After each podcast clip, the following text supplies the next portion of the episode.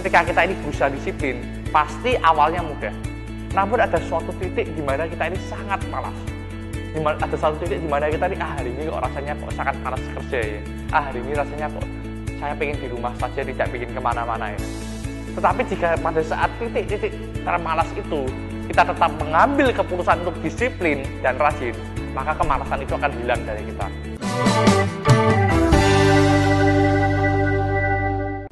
Halo guys, kembali lagi dengan saya Erika Nadi. Hari ini kita akan memulai sesi tanya jawab. Hari ini ada pertanyaan dari Putri. Bagaimana sih cara menghilangkan rasa malas saat memulai pekerjaan? Hal pertama yang bisa kita lakukan adalah kita harus mempunyai goal dan tujuan, target yang jelas.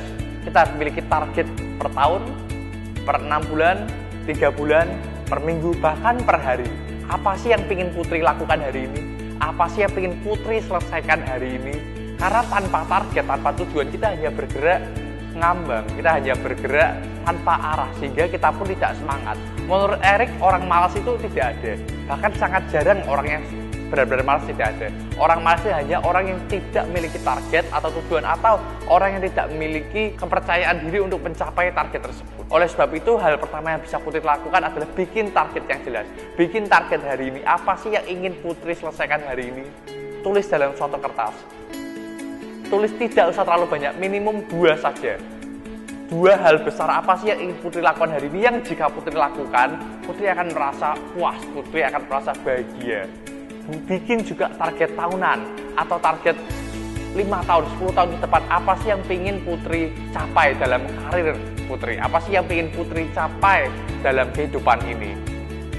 Bikin target yang jelas, bikin goal yang jelas, bikin target yang besar. Jika target putri terlalu kecil, maka sering kali tidak membuat kita ini semangat, tidak membuat kita ini berambisi. Bikin target yang cukup besar, cukup menantang sehingga kita pun semangat, sehingga kita pun tertantang untuk mencapai target tersebut. Yang kedua, kita perlu disiplin. Kita perlu disiplin dan terus melakukannya tiap hari. Sehingga kedisiplinan ini dapat menjadi suatu kebiasaan atau habit sebenarnya disiplin ini, ini tidak untuk selama-lamanya. Karena ketika kedisiplinan ini sudah menjadi suatu kebiasaan, kita tidak perlu lagi memaksakan diri kita untuk disiplin. Jadi kita ini perlu untuk terus membiasakan diri kita untuk tidak malas, untuk rajin. Khususnya ketika kita bangun pagi, kita memulai hari, kita harus menang di sana. Kita harus memulai hari kita dengan semangat. Karena waktu kita memulai pagi hari, kita tidak disiplin dan kita sudah bermalas-malasan, bangunnya siang, maka sisa harinya pun kita juga tidak akan bersemangat. Tapi jika kita memulai hari dengan bersemangat, kita memulai hari dengan semangat yang baru, maka sampai malam pun kita akan terus bersemangat. Disiplin ini penting, khususnya untuk menjadikan suatu kebiasaan. Riset menunjukkan bahwa kita membutuhkan waktu 21 hari supaya kedisiplinan ini dapat menjadi suatu habit. Bagaimana sih caranya supaya rasa malas ini bisa benar-benar hilang dari kita? Mudah sekali. Ketika kita ini berusaha disiplin, pasti awalnya mudah namun ada suatu titik di mana kita ini sangat malas. Di mana, ada satu titik di mana kita ini, ah hari ini kok rasanya kok sangat malas kerja ya. Ah hari ini rasanya kok saya pengen di rumah saja, tidak ingin ke mana-mana ya. Tetapi jika pada saat titik-titik termalas itu, kita tetap mengambil keputusan untuk disiplin dan rajin, maka kemalasan itu akan hilang dari kita.